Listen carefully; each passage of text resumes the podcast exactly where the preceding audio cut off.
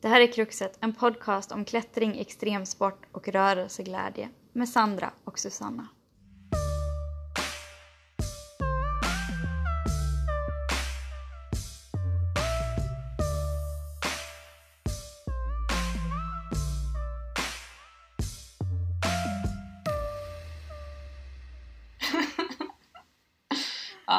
Det blir skitbra. Det blir, det blir toppen. Varför är det alltid första Ja. gången? Alltså, vi har ändå, vad är det här? Vilket avsnitt spelar vi in nu? 16 eller någonting sånt? 14. 14. Och det känns ändå som att vi fortfarande är typ, åh det är första gången vi gör det här. Ja. Men det finns så många sätt. Mm. Det är det. Jag tror vi fortfarande inte har gjort på samma sätt två gånger. Ja. Ja. Ja, ja. Ja, men äh, gött att höra din röst i alla fall. Men Där detsamma. uppe i norr. Ja, i ett eh, torrt och snöigt Umeå. Är det snöigt? Ja, det har snöat. Det snöade Wow. förra veckan. Det, Mm. Först var det skittråkigt för det regnade och var slaskigt och sen så blev det kallt och jättefint. Alltså det känns så exotiskt numera. Med liksom snö.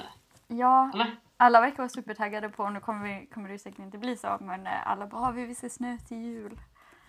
Mm. Och jag fattar ju inte riktigt snöhypen. Nej. Eller? För att du är uppvuxen i norr? Ja, men jag eller? tror det, så här bortskämd norrlänning liksom. Mm. Ja, ja, ja, det... Här eh, känns det mer och mer som något man liksom drömt om när man var liten. Eh, att det liksom... Jag vet inte. Jag, jag kommer inte ihåg hur det var när det var snö. Typ. Är det så? Ja, ja, men det var så länge sedan nu. Oj. Alltså jag, jag, så senaste riktigt snöiga vintern jag kan minnas var sju år sedan tror jag. Oj. Mm. Jag ändå, Så. även om jag inte spenderar så mycket tid i Norrland så är jag ändå hem en gång per år. Någon gång Mm. på vårvintern för det är så himla fint. Så då är det ju ja, men en meter, en halv meter till en meter snö alltid. Mm. Alltså under de fem åren jag har bott i Malmö har det ju inte varit en enda snöig vinter. Nej, jag tror min första vinter i Lund för åtta eller Mm. nio år sedan. Då kom det nog lite snö och låg ett par, ett par veckor i alla fall. Mm. Men sen dess kanske inte varit. Nej. Ja. Ja, men det är gött. Ja. Nej, men vad gör du i Umeå då? Jag, eh, jag lär mig ett nytt experiment gör jag, och analyserar min Mhm. data. Eh, så jag har tittat på, tittat på några bakterier. Så försöker jag förstå varför de beter sig så som de gör eller inte.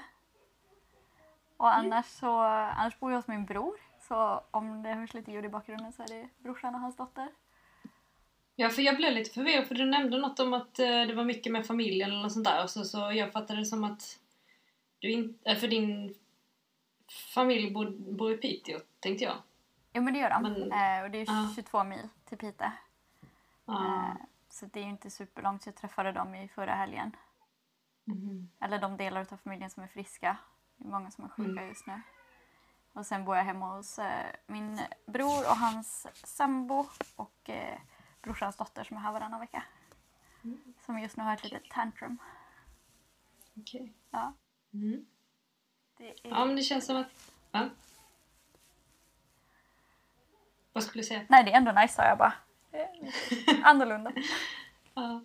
Ja, men jag tänker att eh, dagens ämne passar rätt så bra med bådas eh, situation just nu. Eller så här att eh, man är lite annat... Eh, eh, vad ska jag säga?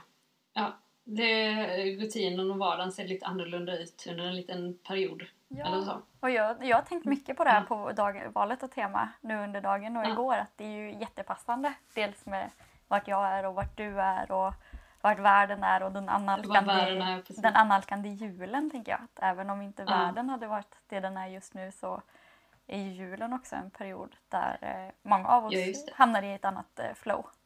Eller Ja, andra verkligen. förväntningar och förutsättningar och Mm. aktiviteter vi gör än i vanliga fall. Precis. För du sitter i Umeå och jag sitter hemma. Ja, Eh, jag har ju opererat örat.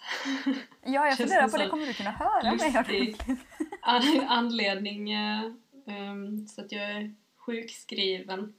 Det känns stort. Första gången i mitt liv jag är sjukskriven. Sådär. Jag tror det är utvecklande för dig. Ehm, Mm, ja, men det är det. Men det kommer vi säkert också återkomma till. Men det som är roligt är att en av de grejer jag känner av mest efter den här operationen är halsen faktiskt. För ehm, jag tror de tryckte ner någon slags slang i halsen på mig medan jag var nedsövd. Mm.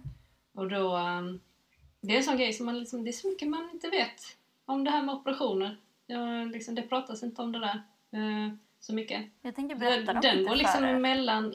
Ja, jätteintressant. Jag har pratat lite med min bror som är eh, så här, specialist, eh, eller så anestesisjuksköterska och så. Han bara, ja men den går ju liksom mellan stämbanden så det är ju inte så konstigt att du fortfarande är hes efter två veckor liksom. Så det är därför jag rosslar lite grann. Jag, och ibland låter det som om jag är förkyld fast jag inte är det. Ja. Um, nej men så- sådana grejer. Och du vet, allt det här duschandet. Det var spännande för mig tyckte jag. Behöver du Ehm. duscha mycket? Man ska duscha så jävla mycket innan man opereras. Innan? Först ska man duscha, ja, man ska liksom desinficera hela sig själv. Oj. Liksom. Ehm, och jag fick frågan häromdagen om, om de hade desinficerat mig i munnen också. För att jag hade så konstig andedräkt. Men jag tror att det har att göra med det här röret igen. Det känns skönt att det är sån här eh, social, eller vad heter det? Att man ska hålla distans till folk så ja, så att ingen känner hur man luktar. Ja. Nej, men det är, ja, man ska duscha. Liksom, man ska så här dubbelduscha med någon slags speciell tvål. Så ska man göra det så att mm, en gång innan man gick och la sig och sen direkt när man vaknar skulle man göra det en gång till. Oj, shit. Ja, det hade jag ingen aning om. Ingen som pratar om det. En Nej. liten detalj i, i sammanhanget kanske.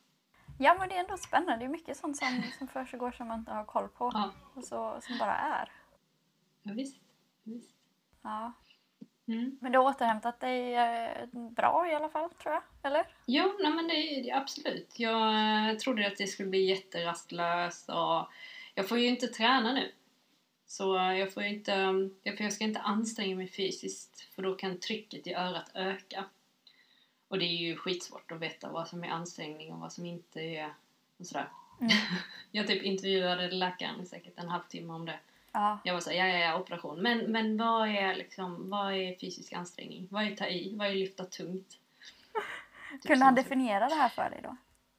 Eh, ja, hon eh, kunde väl ändå liksom, hon bara, ja men liksom, du får ju bära en lätt matkasse. Du ska inte bära liksom så här tunga, tunga kassar.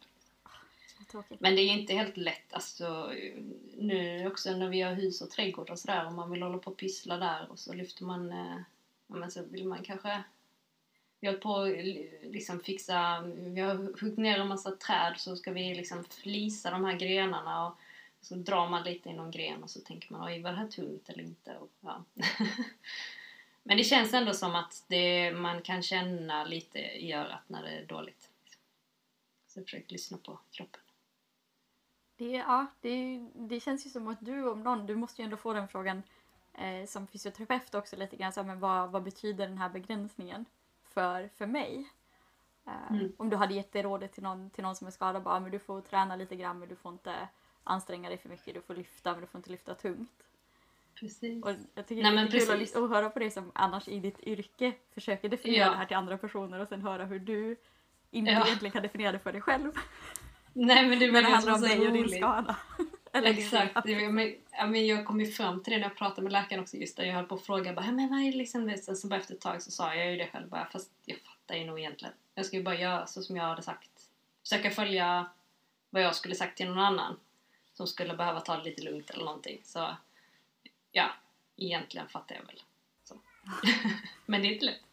Nej, Mm. speciellt inte när man egentligen inte vill få det rådet som man Ja. får heller.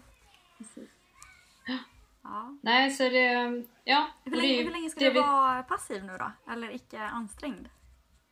Eh, ja, men eh, jag har eh, en vecka till som jag har, har träningsuppehåll, så att säga.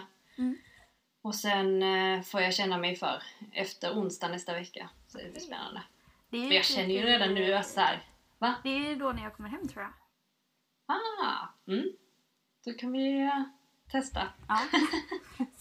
Nej, men jag tänker att jag börjar med liksom just här, liksom jogga lite grann och sånt. För det känns ändå mest... Men jag promenerar en hel del. Mm. Och det är verkligen helt chill liksom. Ehm, så att ehm, jag tänker liksom det kontra jogga lite. Jag tror inte det kommer öka trycket. Men det kommer dröja innan jag börjar liksom köra marklyft och pull-ups liksom. Tänker jag. Vi kan, vi kan ta en lätt joggingtur sen då när, Mm. när jag är hemma Precis. igen. Lite kom igång pass. Lite Precis. core. Men vi kanske ska ta och introducera, du har försökt göra det och jag Mm. avbrutit det, introducera dagens, eh, dagens ämne. ja. Och det, tänk, vi har tänkt att vi ska fortsätta eh, på vår serie om eh, träningslära och träningsprinciper. Och idag har vi kommit till den principen som eh, Susanna glömde bort i härom avsnittet. Ja, och exakt. det är då vilken princip Susanna? reversibilitet, vilket är ett jäkla tråkigt ord. Jag har fått äh, sagt till mig att äh, det ordet kan ni inte ha. Äh, kan ni inte hitta på ett annat ord? Har du kommit på ett För bättre ord för det? Vi, vi kan ju byta ut det, det står ju oss fritt. ja, nej men liksom utifrån de här sju grundprinciperna då som jag försökte rabbla sist så föll den här bort. Och det är kanske just för att den är liksom en sån här princip eller säg- grej man behöver tänka på när man pratar träning som är lite, lite tråkig. Ehm, tror man, men det är ganska intressant egentligen. Eh, som då i det fina ordet är väl reversibilitet, men man kan väl också säga det som återgång Mm. eh, återgångsprincipen. Liksom, att, ehm, ja, jag, jag börjar dra lite, alltså, för det det betyder är ju då att liksom, när vi inte eh, använder kroppen på ett visst sätt eller utmanar en viss fysisk parameter så kommer vi tappa den med tiden. Att liksom, de träningseffekter vi får, de, det är en färskvara. Use it or lose it är en sån här klassisk eh, fras som man eh, eh som man brukar ta upp. Uh, och det är ju det som händer när man till exempel har då som, som kanske jag har nu ett litet längre träningsuppehåll. Eh, eller mer drastiskt om man är helt immobiliserad, alltså inte rör sig överhuvudtaget, kanske är sängliggande eller gipsar eh, en kroppsdel. Eh, det är liksom den mer liksom då, då händer det verkligen grejer, så att säga. Ja, det Ehm. går, ju, det går ju ganska snabbt om man har haft en gipsad kroppsdel så kan man ju se hur musklerna ganska snabbt försvinner känns det som. Och det är ju något som liksom, det är, den här träningsprincipen är ju något, den som kanske kan vara för många aktiva den mest stressande. Eh, att man känner liksom alltså, att okay, träning, allt det jag gör nu det är en färskvara så slutar jag göra någonting nu är jag sjuk en, en vecka eller flera veckor. Då tappar jag allt jag har jobbat upp liksom. Eh, men eh, det är ju intressant att prata om just på många sätt för att det är, det är ju inte så enkelt liksom. Och eh, att, ja, att ha ett uppehåll en kortare period behöver inte nödvändigtvis vara något negativt. Så Det verkar liksom finnas någon form av gräns var, var eh, det till och med kanske kan vara positivt att ta ett uppehåll ibland och sådär. Så det är väl det vi tänkte vi ville snacka lite om. Det, det låter ju, och, och det tänker jag, det handlar ju inte egentligen inte bara om, eh, om styrka och muskler och uthållighet och kondition utan det är ju det går ju in på det mentala också. Eh, Mm. koordination och teknik och sånt. Att eh, det vi inte använder, det faller ju i glömska. Men alla som har eh, återgått till någonting de hållit på med innan eh, är nog också ganska med på att det går lite snabbare andra gången du försöker lära dig någonting än första gången. Mm. Ja, just det. Precis. Och liksom, så det är massa olika kvaliteter som, som vi har och kan finnas mer eller mindre nära till hands beroende på. Ehm, men, eh, och det är ju liksom lite olika begrepp som jag också tänkte man kunde liksom bara, för att det, det man ofta hör i de här sammanhangen är ju då, ofta är det ju många engelska termer så reversibilitet eller reversibility och att det händer när man då kommer in i någon form av detraining pratar man om i engelska skrifter ser man det ofta. Och jag försökte hitta något svenskt ord för detraining. Uh, jag vet inte om du har, har någon bra Mm. översättning på det? Nej. Jag har ju funderat Jag tyckte på det var skitsvårt. Ja, D-training, alltså nej. För, för många gånger så tänker man kanske så här, ja men eh, nedträning hör man ju, men det är ju något helt annat. Det är alltså när man är nedtränad, man pratar om det i svenska sammanhang så är det ju snarare att man är övertränad eller alltså att man har tränat ner sig. Men detraining, det, det, ja, den bästa översättningen jag kunde komma till var just träningsuppehåll eller liksom inaktivitet eller Ja, men träningsuppehåll är väl eh, ganska bra. Mm. Det är ju det det handlar om. precis. Ett längre eller ett kortare. Ja. Och liksom det som eh, ibland det också kan bli lite så luddigt, ja men vad är det för skillnad mellan det och då till exempel formtoppning som man ibland pratar om eller nedtrappning av träning, en strategisk eh, engelska ser man ofta eh, ordet tapering dyka upp. Eh, för då, då, då tar man ju också bort träning och sådär men skillnaden, det man kan säga att liksom lite skillnad där är ett tapering, då handlar det framförallt om att man smalnar av volymen av träning så att om du tränar varje dag på en vecka eller varje dag i veckan så, så smalnar du av det till kanske du bara tränar, eller bara och bara, men så, så tar du bort liksom två tredjedelar av det. Träna tränar två, tre dagar i veckan istället. Eller att du kör eh, mycket kortare pass. Du kör alla dagar i veckan med mycket kortare pass, men lika intensivt. Och sen så, eh, så, så att det flyter ihop ibland så använder man detraining också mer eh, som någon form av formtoppning och det i, i en väldigt kort period. Man har ett kort träningsuppehåll. Och i den här mer strategiska typen av avsmalnande eller träningsuppehåll under en kort period, då vill man liksom använda den här pausen. Nej men det, det jag bara tänkte på um, så att man, man skiljer lite på det här, det vi kommer att prata om nu är mer den här längre typen av träningsuppehåll men sen så, så kan man också ha de här tapering-perioderna där man eh, använder det här uppehållet som ett verktyg för att strategiskt sett optimera för vad man kallar för en superkompensation. Att man, eh, den här återhämtningen förutsätt, gör, skapar goda förutsättningar för att du ska få optimal vinst av den träning du gjort tidigare. För vi behöver ju, som vi har pratat om tidigare, vi behöver viss återhämtning för att eh, optimera våra träningseffekter också. Precis. Ja, lite Jag tyckte ja. när du sa det med, för jag läste, läste lite artiklar om det här, jag tycker muskelminne eh, är väldigt intressant. Mm. Det, är ju, det är ganska mycket det som jag har, även om det inte är mitt eh, mm. area of research så, så är det ändå inne och gränsar i det. Och där finns det ju mm. vissa studier som visar på just det att även om du har haft ett ganska långt uppehåll på 7-9 veckor eller ännu längre så och återgått om man tänker på muskelmassa och, muskel, eh, och styrka i musklerna har återgått till, till innan träningsnivån så verkar mm. det gå upp snabbare eh, till samma nivå och sen öka mer därefter efter man har haft en sån deloading-period. jag tänkte bara på det du säger med, med tapering att visst där, där, är det ju att det är något som vi väljer att göra, det är ett medvetet val, vi begränsar träning på ett medvetet mm. sätt under en medveten tid för att få en, en hyperkompensation. Eh, men mm. att vi även, eller det som de här studierna som förvisso gjorda på möss, men också en studie där man har tittat på muskelfibrer hos människor Eh, att man ser att mm. man får samma effekt även när det då inte är frågan om tapering utan det är frågan om ett längre träningsuppehåll. Även om det tar mm. då längre mm. tid utav återträning för att få den här boosten. Så tolkade ja, jag lite grann de, de studierna som jag hittade. Det tyckte jag var väldigt skönt att läsa.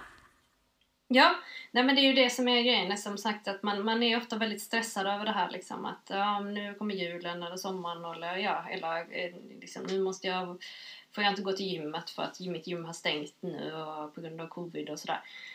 Eh, att man kan stressa upp sig ganska mycket för. Men det som är återgående när man liksom läser om det här är att eh, vi... Eh, det tar... Det går oftast snabbare att få tillbaka de träningseffekter vi fått än vad det har tagit för oss att få dem från första början. Så även om du kan förlora det kan kännas som att du förlorar styrka, kondition och så, de bitarna ganska fort.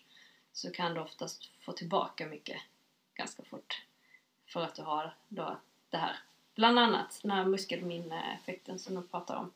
Eh, vilket är superspännande i sig.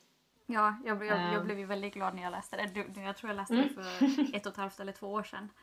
Eh, mm. Och det är ju någonting som alla som har hållit på med fysiologi eller tränings, träningslära eller idrott på något vis. De, de flesta vet ju det att har du väl haft någon form av muskelstyrka så även om du inte gör den aktiviteten på, på något år nästan ibland så går det ganska snabbt att träna upp det igen. Mm. Så det faktum att det verkar finnas någon form av muskelminne är ju mm. långt ifrån ny forskning. Men det som jag gick Precis. igång på så hårt är att nu vet forskarna vad det är. Ja, precis. Så det, det tycker jag är skithäftigt även om det inte för, för oss betyder egentligen ingenting. Jo men det är ju liksom för att det som är lite återkommande, dels just för att om man, man kan ju också, på, om man nu vill kolla på liksom vad, vad är det som händer med det här äh, reversibla, eller den här återgången, vad är det som händer eh, man kan ju liksom kolla på olika eh, system som vi pratade om tidigare. Alltså man kan tänka på liksom, vad händer med styrka, vad händer med muskeluthållighet, vad händer med eh, din cardio, din kardiovaskulära kapacitet och liksom, alltså alla de olika fysiska kvaliteterna du har. Och de som är ganska återkommande är att just styrka verkar finnas kvar ganska bra liksom. Och ganska länge. Eh, Medan då till exempel eh, kondition, flåset, där tappar vi lite snabbare. Ja, det Det verkar kan ta lite längre tid att få upp. Precis, det, eller så som jag förstod det så kan ju det börja liksom dala redan efter tre fyra veckor. Mm. Medan styrka, det som jag hittade var uppe ja, men sju veckor utav inaktivitet så kan du fortfarande ha kvar Just. nästan till samma muskelfunktion. Visst. Så jag tänkte det man jag har- bara, du är ju körd och eh, jag är ju inte det. Precis. Ja men lite så. Det är väldigt kul att sitta och läsa om det här nu för att liksom man har pendlat mellan att säga ja ja okej men nu, upp till två veckor är inga problem. Så bara, men jag ska ju vara borta i tre veckor. Mm. men, eh, men det som är lite så här, just om man kollar på styrka så, så ser man ju då att muskel, muskelmassan minskar, vad man kallar för atrofi. Att, eh, och vilket då man tänker kan bland annat bero på att eh, eh, vi har mindre, man får mindre vätskeinnehåll i musklerna men också att proteinsyntesen minskar. Eh, och att eh, och så, så att vi också blir svagare på grund av detta men också på grund av kanske att nervfrekvensen, alltså de här eh, liksom, nervstimuli till muskelfiber blir eh, mindre. Eh, och man, man kan då se att det verkar ju som att mer vältränade personer, och där kommer vi in igen på det här du pratade om, eh, att mer vältränade personer verkar minska snabbare än någon som är otränad, men också komma snabbare tillbaka eh, än någon som är otränad. Och då på grund av kanske den här muskelminnebiten. Och det vi pratar om där, alltså att man kan se vad det är. Nu är det ju liksom, jag tror att du kan mer om så här detaljnivån än jag, men som jag har förstått det så det, handlar det ju också handlar en del om att vi skapar liksom eh, cellkärnor, alltså i muskelcellen Ja, så finns det flera cellkärnor. Har vi, vi har inte pratat om hur muskel ser ut tror jag. Nej. Så det kan du, för den skiljer ju sig lite från, eh, från en vanlig cell som vanligtvis har en cellkärna. Och Mm, det här mm. tänker jag just hur en muskelfiber ser ut, det kan ju du nog bättre än vad jag kan. Ja, eller alltså, alltså man har ju liksom muskelbuken och sen är inuti den så går det som fasciklar, små buntar av muskelfibrer. Och muskelfibrerna är som våra, muskel, alltså våra muskelcell, så de är som celler.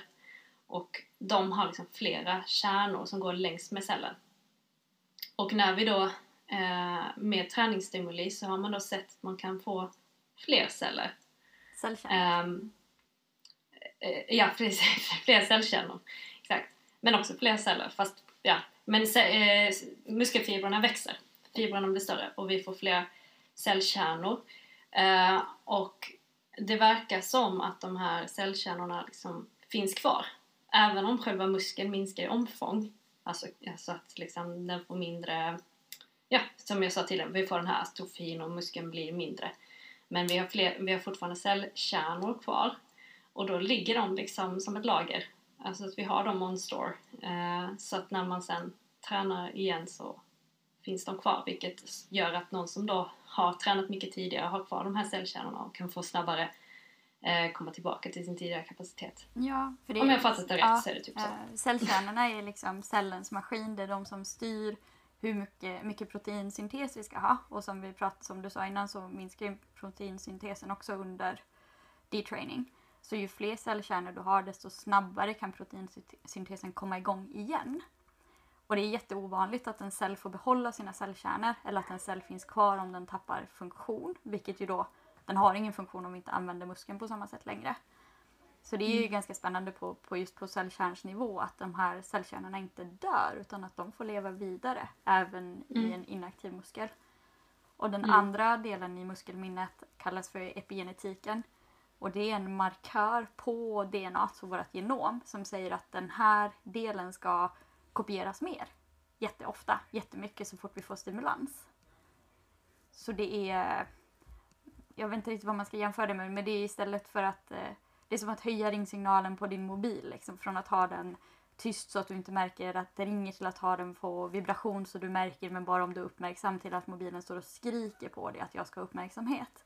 Och den här epigenetiken gör då att eh, cellkärnorna börjar skrika liksom, så fort den får stimulans att nu ska vi producera jättemycket av någonting. Och det är skitcoolt. Mm.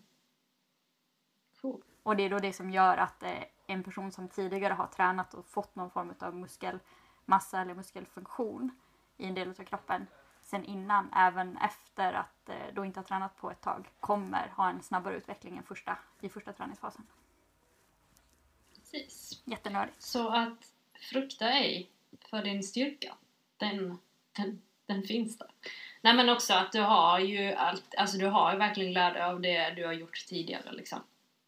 Så att det är liksom, och det är också samma, det är också något man kan ha med sig tycker jag många gånger när man jobbar in med rehabilitering. Ibland kan man känna lite sådär kanske att ha, här har jag liksom stått och gjort de här jäkla övningarna dag ut och dag in och, och så blir det ändå operation liksom. Eller så. För man har tänkt sig att man, man hoppas kunna re, köra bara rehab och, och slippa opereras och sen så blir det en operation i alla fall. Men eh, där ska man ju verkligen eh, man, man pratar ju också om prehab av en anledning eller preoperativ träning att ju, ju bättre form du är innan operationen liksom, desto lättare kommer det vara för dig att komma tillbaka sen efter också. Det har jag inte tänkt på. Men Så- det är ju, eller jag har hört om många som har knäskador där de har velat att personen i fråga kör rehab någon vecka innan, innan operation. Eh, och att det är en Mm. del utav eh, vad man ska säga, liksom operations eller behandlingsplanen att eh, personen måste stärka muskler kring om knät innan det ska göras en operation för att få bättre Ja. slutresultat. Precis. Det är spännande. Jag har inte tänkt på. Ja, verkligen. Och sen... Eh, ehm, ja, men, men så att, så att mycket, liksom, det finns eh, mycket just att hämta där styrkemässigt, liksom, att du kan bevara ganska mycket även om du har ett längre uppehåll. Eh, och som sagt, som, som du nämnde också, det är, man har sett på otränade individer i alla fall att de kan bibehålla styrka upp till sju månader. Eller det har du, ja, jag vet inte om du sa veckor eller månader, men det här var otränade individer i alla fall. Då, då tänker jag lite så här, undrar om det är för att de ligger på en undermålig styrka till att börja med. För att jag tänker att kroppen kommer ju inte göra sig av med någonting som den finner en funktion för i längden. Nej, nej men det är ju lite så. Och det tycker jag liksom är också så här, för att det står ofta lite sådär, ja, nej men eh, tränade individer tappar mycket mer än otränade och sådär. Så blir man nästan lite så här, det låter nästan som lite så skrämsel. alltså det är väldigt så här, åh, tränade individer förlorar så mycket och tränade individer måste kämpa för att bibehålla det de har och så. Men samtidigt är det ju så om man kollar på många grafer när man jämför tränade och otränade individer så tappar ju de tränade individerna, visst, de tappar relativt sett mer, men de ju, ligger ju fortfarande i högre kapacitet än de som var otränade. Så det är ju mer att man kommer ner till baseline. Liksom. Ja, jag läste någonstans också att det, det är inte sådär jättemycket träning som krävs för att man inte ska tappa heller. Eh, Mm. Det beror ju helt och klart på vilken nivå en ligger på innan. Men jag tror det var elitidrottare som de tyckte att tre pass i veckan är tillräckligt för att inte tappa. Mm. De kommer inte utveckla Ja. mer styrka men du kommer inte komma ner i den här reversibiliteten. Så det är ju inte att Mm. eh, om man ligger och tränar mycket och tänker shit men om jag eh, är nere på tre pass i veckan vilket kan hända de flesta om man är förkyld eller om man är bortrest eller livet händer. Att då är Mm. vi inte inne i den här fasen än. Nej, Utan det är nej. det som vi sa innan, det är liksom ja, fyra till, till sju veckor utav ingen träning. Precis. Och det, det blir svårt också för det tänker jag, det är specifik träning också måste det ju vara att det är varje muskelgrupp som man vill bibehålla som måste aktiveras. Så det blir också ganska mycket om man har en komplex eh, idrott eller komplex eh, sport. Precis. Nej, man ska ju skilja på det också. Och det är ju igen någonting som vi stressar upp oss ibland lite i onödan för. För att, för att bibehålla det vi har erhållit Ja. så krävs inte så jäkla mycket. Det är för att komma vidare som vi måste pusha och ta i och allt det här liksom. Eh, så att eh, det, det finns en plats för det där att, att pusha. men det finns också en plats för att bara liksom, ja men den här grundträningen som också eh, man inte ska glömma bort liksom. Och den behöver inte vara så jäkla eh, spicy höll jag på att säga. ja. Um, men det är liksom lite om styrkebiten. Sen kan man ju prata om muskeluthållighet också. Så det är det som också är intressant att så när man pratar om liksom, vad händer när vi är återgång, vad händer vid träningsuppehåll. Det är lite olika beroende på vilka kvaliteter vi tittar på. Så om vi där pratar ren styrka verkar vi ändå kunna bibehålla hyfsat bra. Eh, det kan jag också vara värt att nämna förresten, nu hoppar jag tillbaka till styrkebiten. Men man kan kanske bibehålla styrkan, den rena absoluta styrkan ganska bra. Men ibland kan det vara att man ändå upplever sig svagare i sin specifika idrott för att man förlorar lite skicklighet eller skill. Eh, vilket man till exempel sett i simmare, att de var precis lika starka i sina axlar till exempel efter fyra veckor eh, utan träning. Men de hade tappat sin eh, så kallade swimming power. Eh, så att man kanske mer tappade neuromuskulära eller liksom den specifika eh, typen av styrka.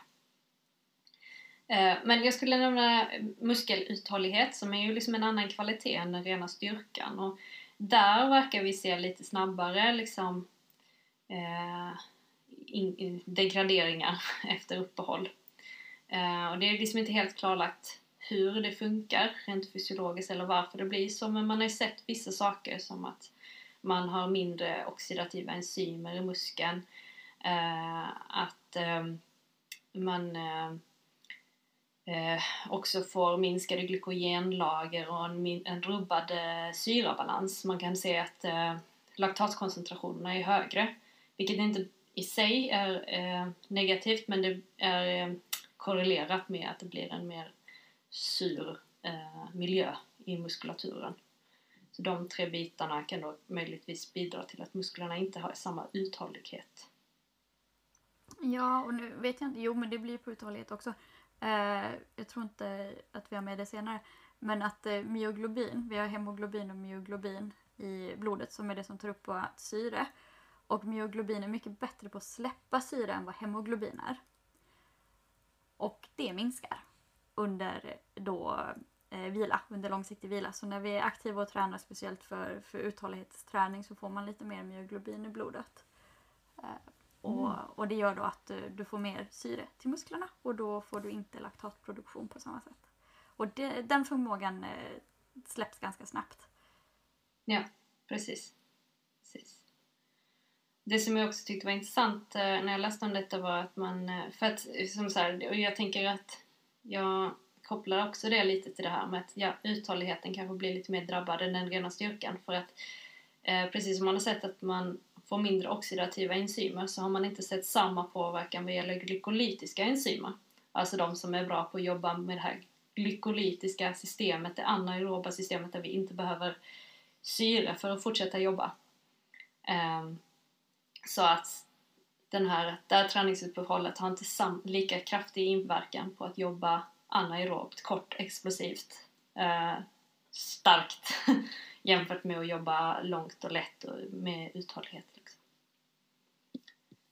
Um, och det har man ju också då sett att den kardiovaskulära uthålligheten också blir, blir, blir drabbad så att både den muskulära uthålligheten men också det kardiovaskulära systemet verkar påverkat ganska snabbt. Så det ska bli spännande nu tycker jag, när jag läste om det här. För att eh, nu är ju jag främst intresserad av att hålla på med uthållighetsidrott. Och det verkar vara det som blir snabbast påverkat.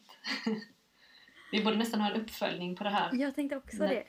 Och du har, för, men du har ju du har en sån här pulsklocka, du kollar ju ändå dig själv lite grann när du är ute och springer.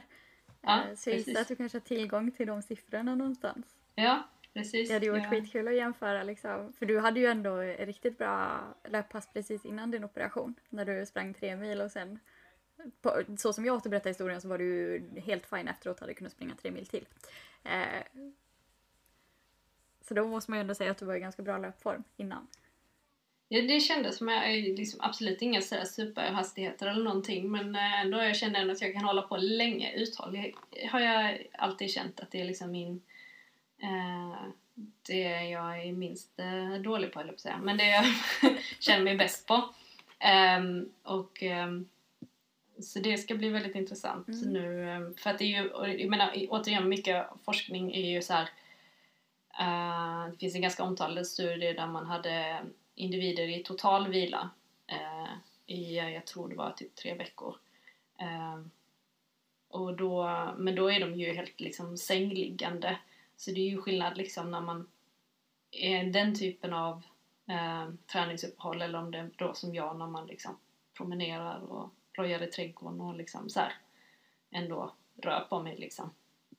Eh, men, men även här eh, i den här studien som du nämnde så eh, av eh, Bengt Saltin bland annat där såg man ju väldigt så här, drastiska effekter efter då, vad jag tolkade som tre veckors sängliggande på liksom eh, den submaximala pulsen gick upp, eh, slagvolym minskar med 25%, hjärtminutvolymen minskar med 25%, 27% minskad VO2 max eh, och då minskad plasmavolym.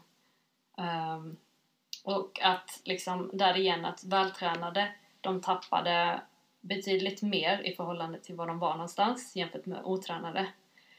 Och det tog dem upp till 40 dagar att komma tillbaka jämfört med de otränade som tog eh, 10 dagar för att komma tillbaka.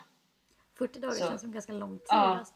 Det är ganska lång tid. Så att de, för den vältränade så tog det ju mer, längre tid för dem att komma tillbaka än den tid de var o, inte tränade. Liksom. Det, det är ju Eh. lite stressande. Det är liksom, det, det eller hur, det blir man stressad av. Men återigen, om man kollar på de här graf, graferna så ligger ju de vältränade fortfarande i högre, alltså det det här med minskningen och ökningen, alltså det är ju i förhållande till deras max. Ja men det tänker Så jag det är är, inte så att är de- ju nog stressande liksom. Ja, absolut, absolut. Nej men det är det ju, så att det, det är ju där också igen att ehm, eh, just att liksom tänka på det här med liksom, ja, vad man tappar när man inte tränar eller inte rör på sig är lite olika beroende på vilka parametrar vi tittar på. Liksom. Så att det finns ju dels det här bara rent på muskelnivå, muskelfiber, cellnivå men också sen då det kardiovaskulära systemet. Alltså det är flera olika system som påverkas på olika sätt. Men här igen så eh, poängterar man ju också det att liksom de, de, eh, återigen, de här var ju sängliggande i tre veckor liksom. Eh, om man till exempel eh, kan hålla igång med minst två tredjedelar av sin vanliga träningsbelastning. Eh, eller en tredjedel ska jag säga. Alltså om man inte minskar mer än två tredjedelar i träningsbelastning så eh, kan man ändå upprätthålla ganska bra den kapacitet man har. Så jag vet inte riktigt. Jag misstänker att jag har minskat mer än två tredjedelar nu. Jämfört med normalt. Men eh, Du är ju, du Ja. är ju också ganska aktiv normalt sett. jag, eller ja. ja Men du är ju inte helt stillasittande nu heller. Eh, nej, det ska bli, det ska bli Nej. spännande att se. Vi borde, ska bli spännande. Vi borde ha gjort precis. ordentliga före och eftermätningar Susanna. Ja. Vi har ju brustit i vår forskning här. Ja, precis. Jag ska kolla. Det är rätt kul för min pulsklocka, du nämnde den, jag tror att den är lite i chock nu för jag har ehm, jag brukar bara ha på den när jag tränar eh, och sen har jag aldrig på mig den liksom. Och dels, eller ja, det känns, det är mest då den är relevant att ha på sig och sen så är det eh, kan jag inte ha klockan när jag jobbar och sådär. Men nu när jag har gått här hemma så har jag liksom roat mig med att ha den på dygnet runt och liksom typ så logga lite sömn och få lite koll på min vilopuls och sådär. Så den har ju gått från att tro att jag inte gör något annat än att springa runt i skogen till att jag bara går här hemma och läser böcker. Åh, nej, Så den är nog jätteförvirrad. den jag tror att du är sjuk. Ja. Ehm, en annan grej jag ska poängtera med det här med kardiovaskulära systemet att det verkar vara viktigare att bibehålla intensitet än volym. Så att, um, att hålla sig på minst 70% av sitt, uh, sin maximala syreupptag i minst tre gånger i veckan. Det är lätt kanske klyddigt men om man tänker lite så hålla dig på liksom lite kortare löppass där du liksom ändå tar i ganska mycket. Där du tänker liksom, du kör en 7 av 10 i intensitet minst tre gånger i veckan. Så kan du ändå bibehålla ganska bra eh, det du har. Liksom. Det är viktigare än att du kör liksom varje dag eller att du kör jättelånga pass när du gör. Det tänker jag för, då- för, eller för mig själv och de jag känner som springer och inte är långdistansare så fem kilometer är ju, eh, det går ju att göra på en halvtimme. Mm, mm, absolut. Så det behöver ju inte bli så långa träningspass. Eh, och, Nej. Och det är ju alltid bra om man har begränsad tid. Sen om man då är sjuk eller skadad eller Mm. eh, post-op som du är, då finns det ju inget val. Du får, Mm. du får gå promenader. Undrar om du kan typ ligga och paddla med benen fast då ökar du trycket. Nej, jag ska inte Ja, hitta på massa träningsstrategier för dig just nu. Så det är ditt jobb. Nej, jag, går mina promenader. Min hjärna vägrar du- acceptera att vara stillasittande. Liksom. Ja. Nej men det- alltså det är som sagt, alltså jag, jag, jag tror att jag är ganska räddad av att bo i hus nu med trädgård. Liksom. För man är inte stilla liksom. Alltså så här, det är, jag var liksom så, åh jag måste eh, liksom ladda upp nu här med, åh jag kanske borde fixa ett Netflix-konto och liksom lära mig virka och så här. Men eh, det har inte varit några problem. Jag har liksom, eh, det har gått, tiden har gått fort. Jag har haft saker att pyssla med hela tiden. Ja, ni, Utan att känna ni mig- är ju väldigt nyinflyttade också. Du kan sy gardiner. Har ni fler gardiner? Ja, lite så. Ja. Nej men så, så det var liksom styrka, muskeluthållighet, kardiovaskulär uthållighet. Har du någonting mer du vill liksom nämna på de bitarna? Nej, inte, inte så. Jag tror vi har pratat om det som jag känner Mm. att jag Mm. känner till. Och, eller sen- lyckats läsa in mig på. Ja, för sen liksom Sen är det ju också andra kvaliteter som smidighet och snabbhet och flexibilitet och sådär. Och just snabbhet och smidighet verkar liksom eh, inte heller sådär jättesnabbt påverkad av att ha ett träningsuppehåll eller vara lite inaktiv. Eh, eh, I alla fall inte om man jämför med liksom uthållighet och så. Ehm, men eh, de är liksom...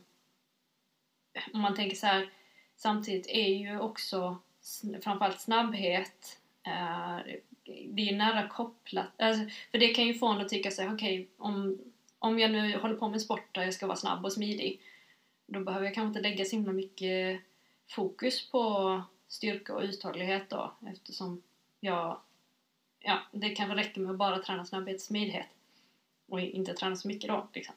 Men de parametrarna är ganska beroende av att vara stark och uthållig i grunden så du kan behöva upprätthålla styrka och uthållighet ändå.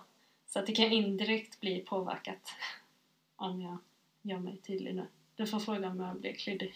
Mm. Nej, men jag, jag tror jag hänger med på, på, vad, du, på vad du säger där. Och, det, och det, det du sa som fick mig att tänka till, det var ju, det kanske vi ska avsluta lite mer på, men hur man, hur, vad vi kan tänka på när vi ska komma tillbaka efter ett träningsuppehåll.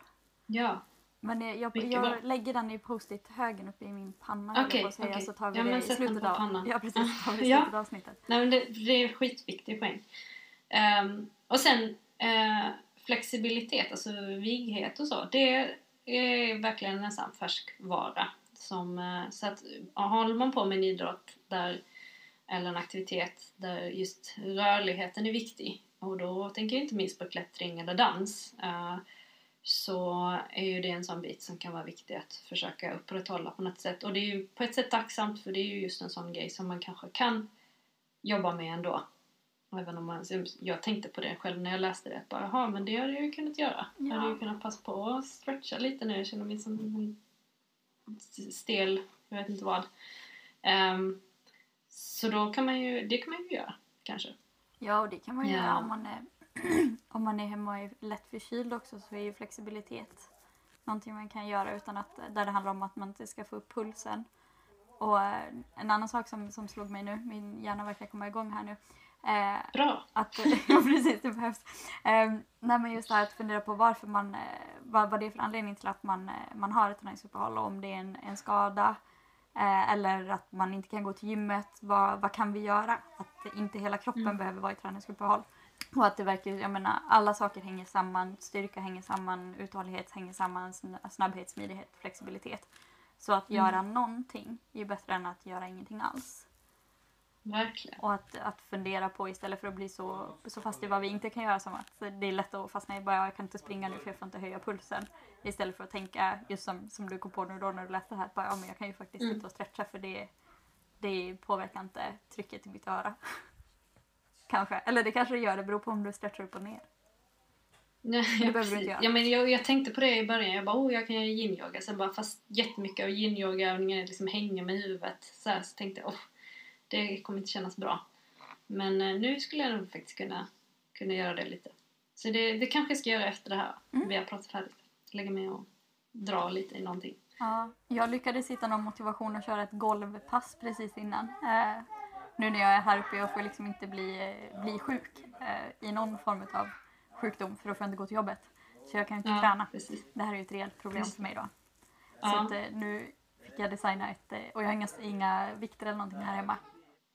Så Nej. jag fick köra, designa ett, ett golvpass. Mm. Det var jävligt tråkigt. Men det gick. Var det tråkigt? Ja men det var, det var så länge sedan jag körde då jag hade lite svårt efter typ 20 minuter så var jag lite så uttråkad. Jag körde en halvtimme. Och, och tänkte att det var jag nöjd med. Istället för att säga att jag körde bara en halvtimme eller, och det blev inte mer så, så tänker jag att en halvtimme är ändå en halvtimme. Har du, har du det nedskrivet? Vi kan lägga upp det i våra show notes. Jag tänkte faktiskt det, att, för det krävde ingenting. Jag har ju det nedskrivet i huvudet. Och så medan jag körde så tänkte jag det här är ju någonting som eh, alla kan, det, i och med att det inte kräver någonting, det kräver en golvyta Nej, som är lika precis. stor som dig Mm. som person. Så att är det så att eh, ja, men under julen eller att man tar tillgång till ett, eh, till ett gym eller träningslokal så är det här absolut någonting en kan göra för axlar, ben, rygg och mage. Mm, det tycker jag. Vi, vi, vi skriver ner lite sånt. Yes, lite Det kan vara bra för att liksom, det, det är ju därför det här eh, principen finns med som en grundprincip i träning. Att komma ihåg att just där, det du gör är en färskvara och att man behöver någon form av underhållsplan.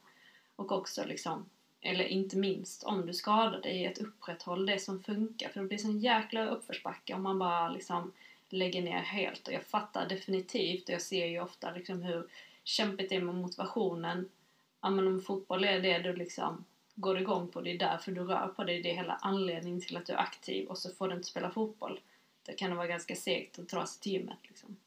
Men det gäller verkligen att komma ihåg liksom att ju mer jag håller igång allting jag kan hålla igång desto mindre behöver jag liksom, ja, desto mindre uppförsbacke när jag kommer, när jag börjar komma tillbaka. Och take home message från, från det vi har lärt oss här är ju också att uppförsbacken är kanske inte lika brant och tung eh, som den Mm. första uppförsbacken var. Precis. Vi borde köra ett till avsnitt på motivation. Jag känner mig så sjukt omotiverad till att träna nu. Mm. När, eh, eh, Är det så? ja, jag gör det faktiskt just nu. Eh, I och med att det är Ja. liksom, jag är inte och klättrar och här uppe det är Nej. för mycket snö. Jag känner inte så många så det är svårt att komma ut. Så jag har Mm. väldigt lite liksom, jag känner att jag hade velat klättra. Och, och då när annan träning, jag sprang mycket när jag kom hit först men nu är det så halt så nu kommer jag inte ut och springer. Mm. Så nu känner jag mig riktigt omotiverad att träna. Och det händer inte mig så ofta. Jag bara, vad fan, Nej. hur ska jag handskas med den här Nej, känslan? Tror aldrig jag har hört dig säga det. Nej, alltså min, alltså min motivation är ju att jag kommer komma hem snart. Och då kommer jag känna mig motiverad igen. Precis. Nej men jag menar då får du ju utnyttja det här som din eh, liksom underhållsperiod. Lite, ja men lite tapering kanske det blir. Du behöver kanske inte köra så liksom ofta. Eller så kör du kortare pass och jäkligt hårt när du väl kör. Eller liksom någon sån här att du har din lilla underhållsplan liksom. Ja, jag försöker köra lite med kvalitet och nu jag vet ju att det här är två eller tre veckor så jag tänker på det mer som tapering. Jag har ju Mm. ändå mina utomhusmål som förhoppningsvis vädret tillåter att jag kommer till och, och som vi började det här avsnittet om också att lite, lite deload i sin träning inför en Mm. formtopp eh, brukar ge resultat. Så att Precis. Istället för att stressa upp mig av att jag inte kan träna lika mycket nu så, så försöker jag se det här som, som en formtoppning inför när jag kommer hem. Och det ska bli kul att se om det är så det kommer kännas. Eller om jag Ja. eh, bara kommer känna mig lite, lite sämre tränad än vad jag var innan. ja, vad kul. Mm. Ja, vi får verkligen ha en uppföljning på detta. Ja, hur har det gått? Jag, jag skrev ner lite små liksom, saker som jag tänker kan vara bra att ha med sig um, utifrån det här. Ska jag ta det nu? Gör. Ehm, men ja, så dels då att jag har någon form av underhållsplan. Upprätthålla det som funkar då alltså. Som vi pratar om nu. Eh, en sak som man också kan tänka på ehm, just om man eh, är skadad. eh, att man ofta kan använda sig av vad man kallar för isometriska kontraktioner. Det här får man ju oftast hjälp för. Om du är skadad så går det ju förhoppningsvis hos en terapeut. Men det kan ändå vara intressant att tänka på Alltså den här statiska aktiveringen av en muskel, att jag bara spänner den utan att jag egentligen rör på armen eller benet, utan bara spänner en muskel. Då eh, kan jag ändå ibland till och med belasta ganska tungt eller anstränga muskeln tungt utan att jag rör eller irriterar en eh, led som kanske eh, är problemet. Liksom. Ett typiskt exempel är till exempel jägarvilar om man står eh, med benen 90 graders böjda och lutar ryggen bak mot en vägg. En sån här klassisk sjukgymnastövning man får börja med för man kan ändå liksom, det kan vara rätt tungt men eh, man är ändå ganska snäll mot, mot lederna och strukturerna. Men så att det är något man kan använda sig lite av. Eh, och hålla igång rörligheten om, du, om den är viktig för dig av olika skäl. Eh, eller vad du nu håller på för i, med för idrott. Um, en sak som man också, eh, jag tycker är värt att nämna, som jag också läste någonstans, tyckte var bra de tog upp. Eh, där man är lite så här kring kropp, kost och så att man ändå ska bibehålla en kaloribalans. Jag tror att en del aktiva kan bli lite nojiga över att man inte rör sig lika mycket och då tänker att man inte ska äta så mycket. Um, eller så, att man börjar hålla igen på intaget.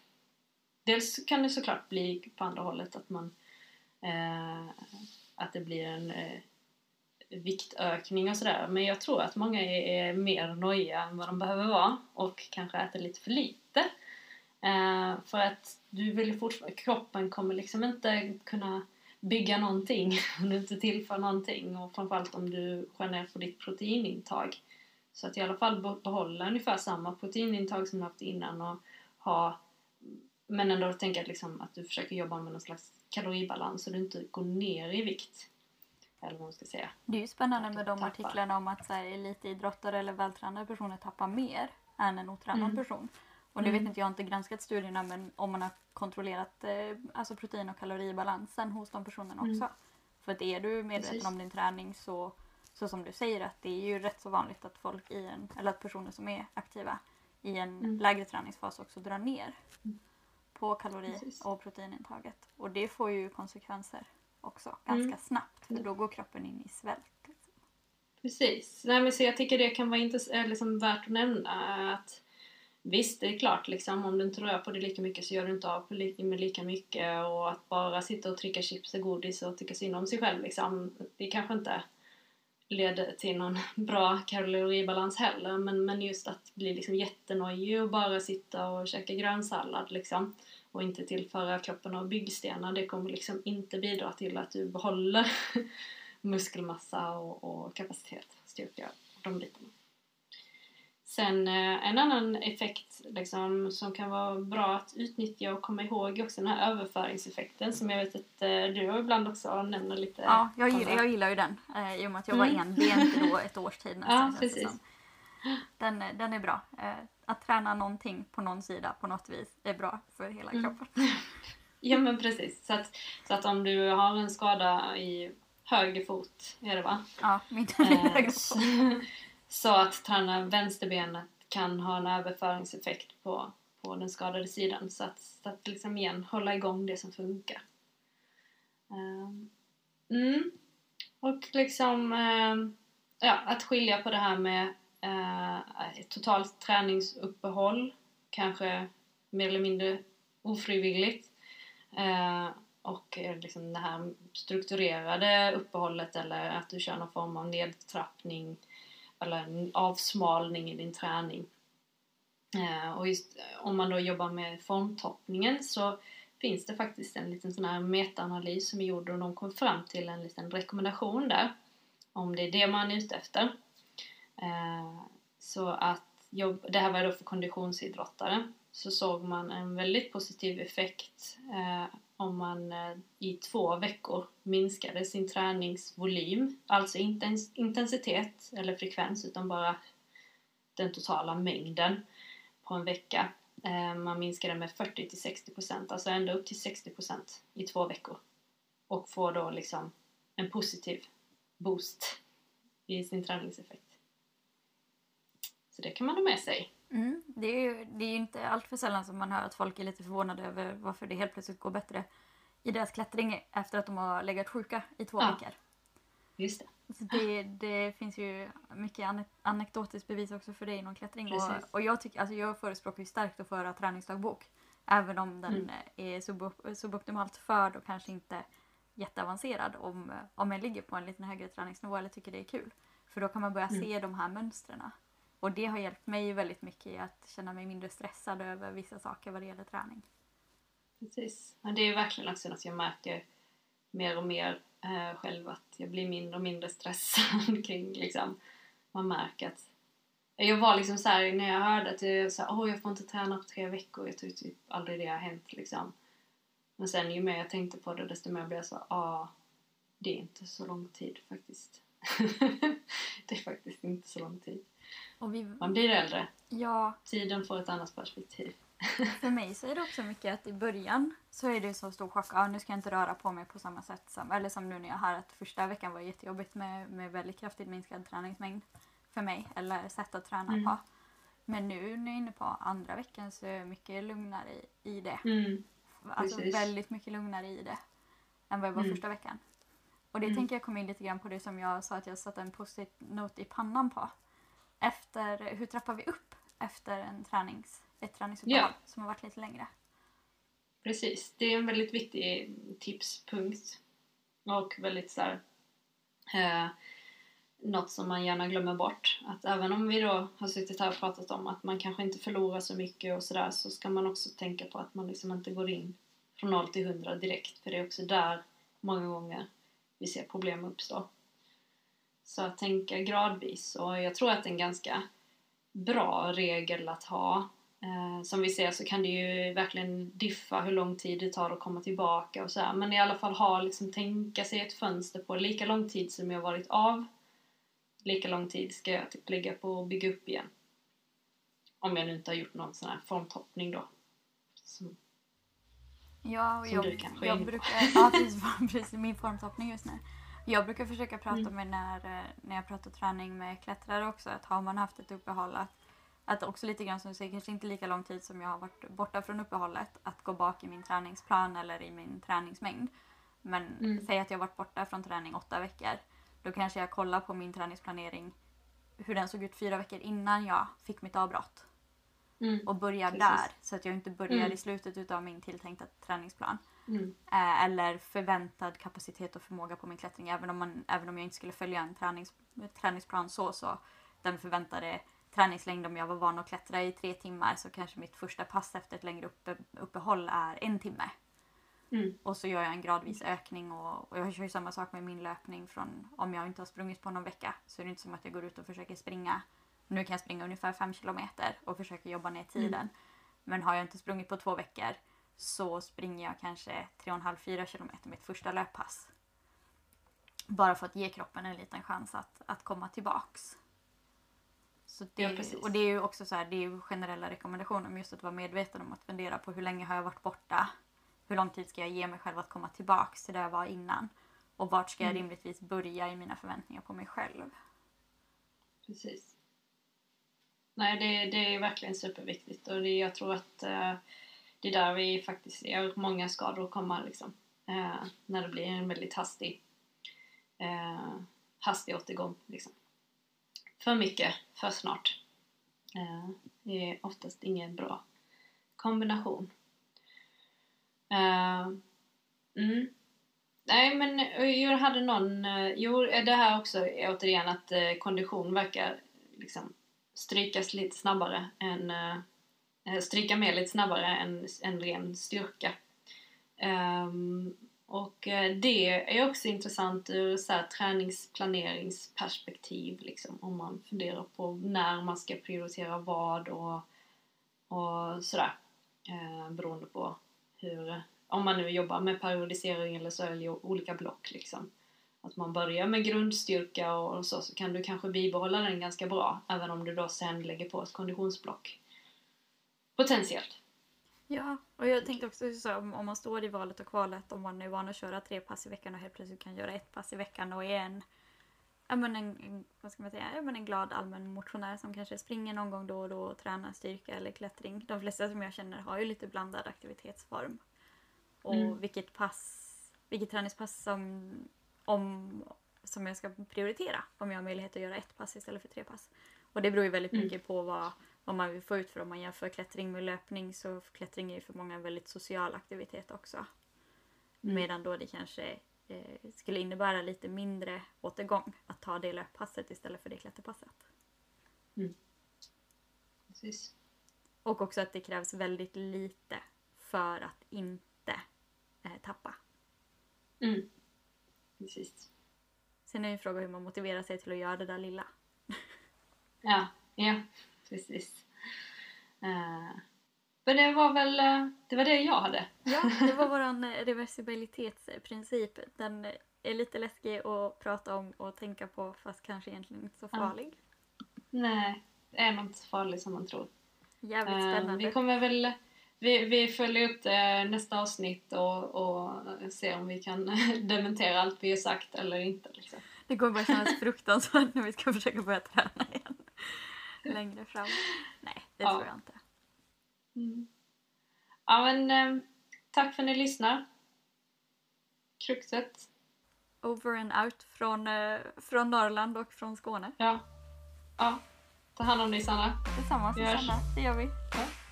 Hej! Hej då.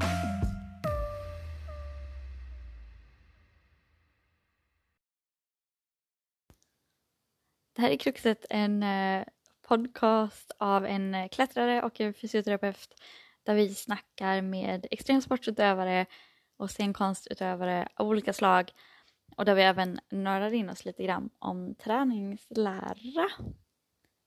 Sandra och Susanna, enjoy nästa avsnitt. Du har hittat in till Kruxet podcast där en klättrare och en fysioterapeut snackar med eh, extremsportare, scenkonstutövare och eh, emellanåt, eller ganska ofta, nördar in oss på olika typer av träningslära. Enjoy nästa avsnitt.